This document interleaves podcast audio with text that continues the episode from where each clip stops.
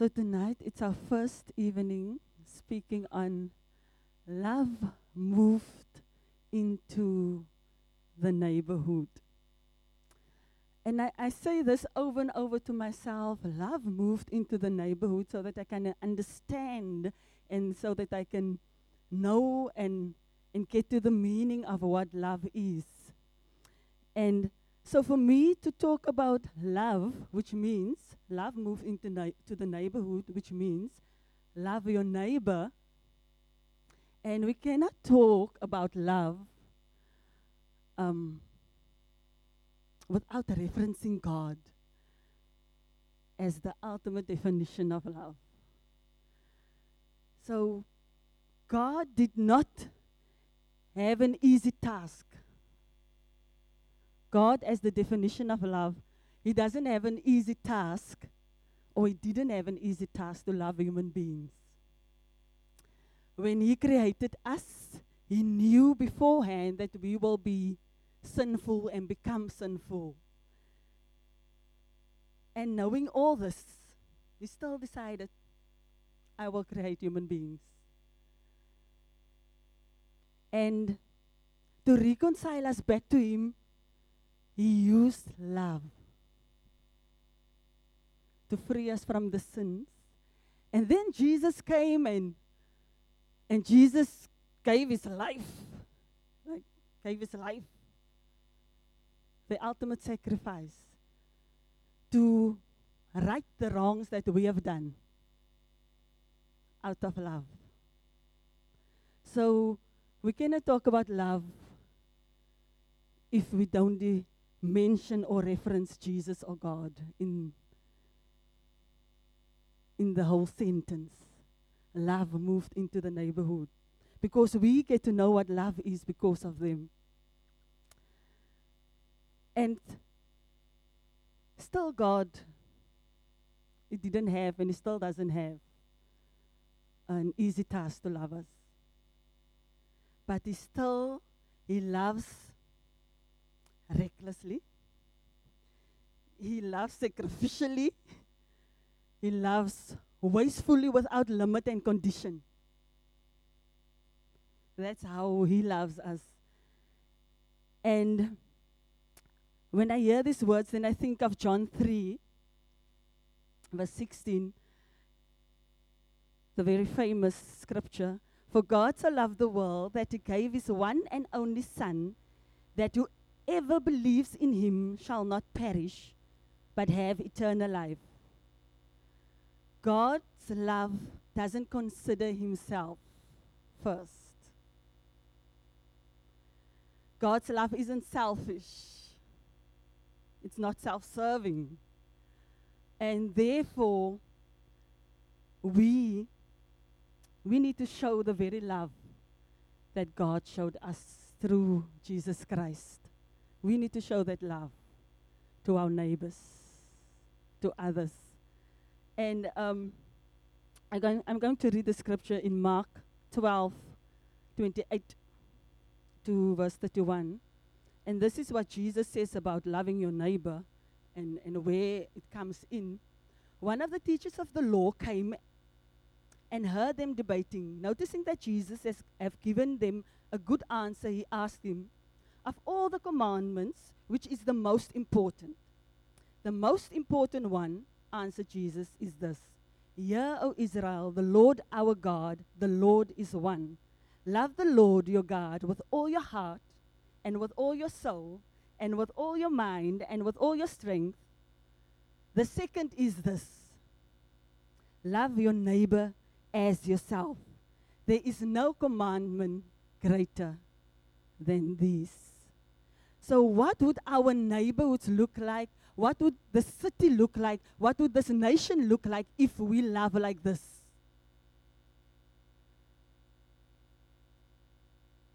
It's easy for us to, to love our friends. It's easy for us to love our families. It's easy for us to love our favorite food and to love our hobbies.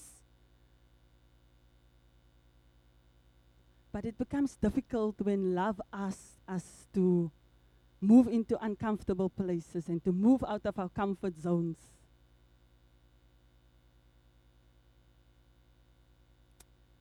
So we need to love in the midst of rejection, in the midst of hatred, and in the midst of disagreement. And, and, and I cannot go move on without mentioning that we are, our country are currently moving towards our elections, and it's easy for us to fall into the trap of fighting with the parties that we vote for. And um, God asks us to love all people, and therefore we are called to to take this to be the church in in these elections to use uh, heavenly politics. Heavenly politics say you love all people, and in Revelation seven verse nine, um, it says, "After this I looked, and there before me." was a great multitude that no one could count, from every nation, tribe, people, and language, standing before the throne and before the Lamb. So we are called to love people no matter their race, no matter their economic status. So we as the church can show the parties that no matter your fighting, we will love each other here on the ground. I normally say that um, the media don't see us that's, that's here, that's on the ground. They don't show that we love each other. We are in a community with each other. What they just show is someone making a, ra- a racist comment against another person, but they don't show this, this community that we have. So we as the church need to be in the forefront um, of this. And Craig Groeschel says that the church is God's plan A to help those in need. So for us, it's time to get our hands dirty and to love people out of their poverty into wholeness. Um, people defined poverty as people in developed countries define poverty as a lack of material things. And people in the poorest of poorest of poorest countries who know who knows what it is to be poor, they define poverty as a mindset, a deep sense of shame, ongoing feeling of worthlessness, fear, hopelessness, a feeling of being trapped.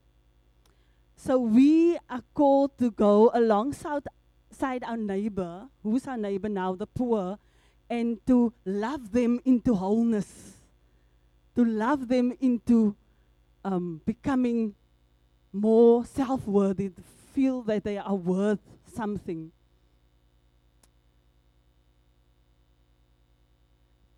So when we help the poor, we must relieve, we can relieve the current situation but we need to restore the future life.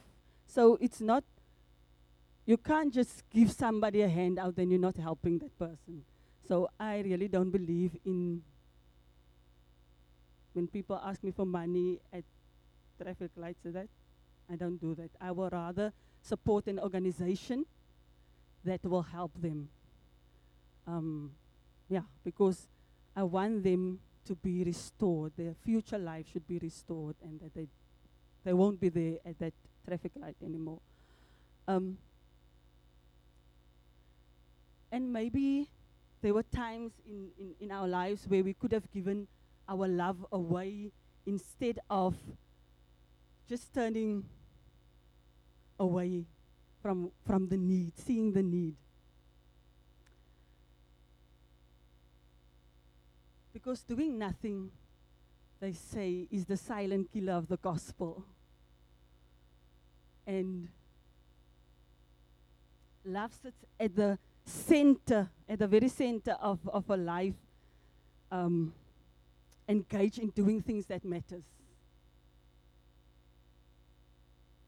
And the, the essence, I say, I always say the essence of being a disciple of Jesus Christ is to love and, and it reminds me of the scripture in 1 John 3, um, verse 16 to 18. This is how we know what love is. Jesus Christ laid down his life for us, and we ought to lay down our lives for our brothers. If anyone has material possessions and sees his brother in need, but has no pity on him, how can the love of God be in him? Dear children,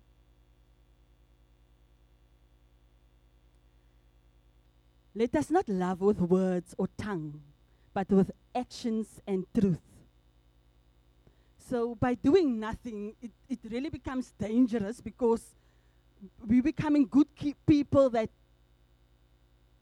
doesn't do anything that really matters. We're good people, but, but we don't do anything that really matters.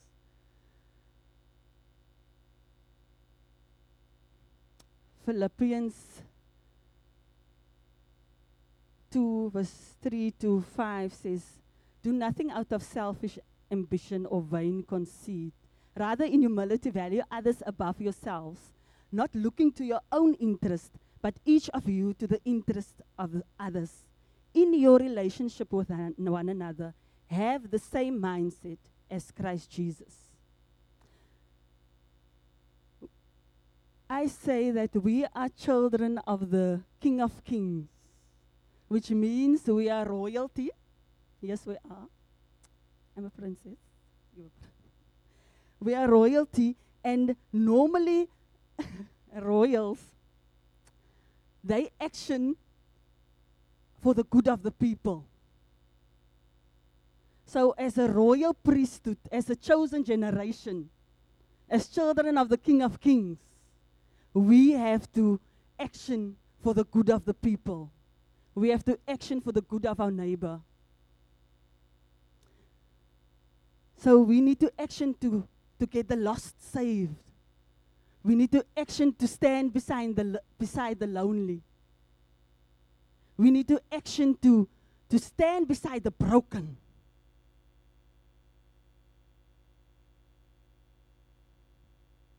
We need to action to feed the hungry. And we need to action to empower the poor and to give the, the orphan a dream. This is what we are called to do as disciples of Jesus Christ, as the one who, who showed us what serving is.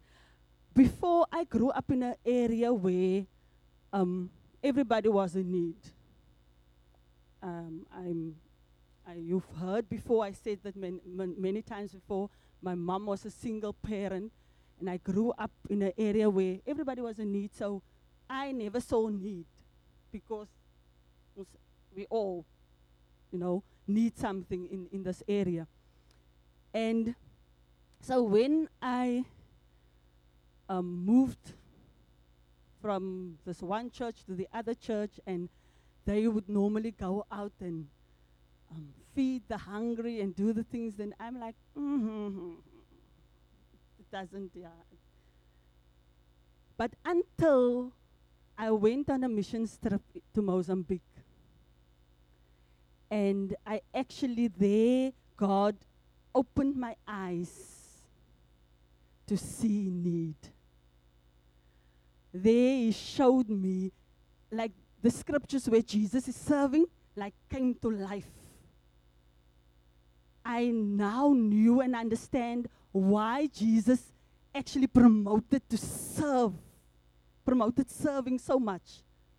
Because when I had the chance to serve people that would never be able to serve me back, they would n- that would never be able to pay me back, I had to pay to get there. I had to sit in a small taxi kind of vehicle to and drive about three days. But the amazing experience when you help those people, those people are poor. When I say poor, to them, when they eat, tonight they will say, Oh, tonight I'm going to eat meat. And what is meat? It's a mouse. That's the meat. That it's a mouse.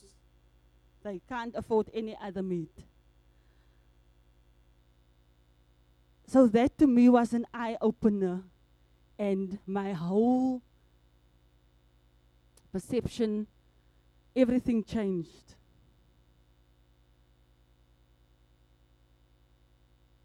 And I say that my dream is to give a dream to those who think they dare not dream, and especially children. I, while we were busy with this, um, or preparations for this, love moved into the neighborhood. And one morning after church, I was driving home, and um, every I've been seeing people at traffic lights for many years with their children, and then normally my thought would be, you now trying to get my sympathy by having your child with you. So it never bothered me actually, and because of the fact that I would support an organization and will not give any money to, to those people. And this one Sunday after church, when I drove home, here was a father with his son, and my heart broke for that child. And I'm like, God, I see this every day. Like, why? Like, what's going on? And it was just amazing how God, He works on us. He knows you better than you know yourself. And I decided, and I tried to just look the other way again and went about my life. But while I was preparing this message, it came back to me this child at the traffic light. And I decided to write a letter to this child. I don't know the logistics of how, if I will ever be able to read this letter to a child at the traffic light. So the letter is like this You, my child, standing at the traffic light, holding your mother's hand, holding your father's hand, looking through every car's window, asking for money and or food. You, my child, this is not your future. This is your present and you have no control over it. But this will not consume you. This will not be the excuse you use to not be successful, not to get an education, and not to become an honorable citizen of this country. You, my child, I see in you a person finishing a higher education, becoming a graduate and a postgraduate. I see in you someone who would use this experience as a stepping stone to accomplish better for yourself and even for your future family. You will use this experience to rehabilitate traffic light families as you have the inside info. Even if it is just one family, that would be seen as success. This present circumstance will be your future testimony. Your present does not define you. Dream, dream big as you, my child, is only a visitor in your current situation. Start with going to school, listening to the teachers, and working hard to pass, pass each grade. Step by step, it will take a while, but know that I believe that you would get there to my dream for you. I am dreaming on behalf of you, as you might not currently believe that you can dream, as you might have no point of reference to even start dreaming. And I know that the time will come when you would be able to dream for yourself. And promise me that you will not limit your dreams. Dream big. Dream above and beyond what you can ever imagine. You, my child, at the traffic light, you are loved and know that I'm fighting for you in prayer. So, as we're going through this series, ask God to open your eyes because my eyes was closed to many things. It was closed to many things. But God is still working on me, and He opened my eyes. So as we go about this week, let us pray to God to help us to, to put someone else before us, to love others with kindness and compassion, to allow Him to free our schedules and let Him show us what needs to be done and what we can put aside so that we have time to help others. To open our eyes to the opportunities that He will put in our way to serve others. Let us listen for God's instruction this week. Galatians 5:14 For the entire law is fulfilled in keeping this one command love your neighbor as yourself. Let us pray. Heavenly Father, I honor you and I glorify and worship you. Jesus, thank you for showing us how to serve. You were always serving when you were here on earth. You were washing your disciples' feet. You spend time with people that others did not want to spend time with. You went into uncomfortable situations. And Father God, help us to leave our comfort zones. God, push us towards what you want us to do. Father, open our eyes so that we can see who our neighbor is. As I saw this chi- child at the traffic light, that is actually my neighbor. Open our eyes to the opportunities so that we can help others.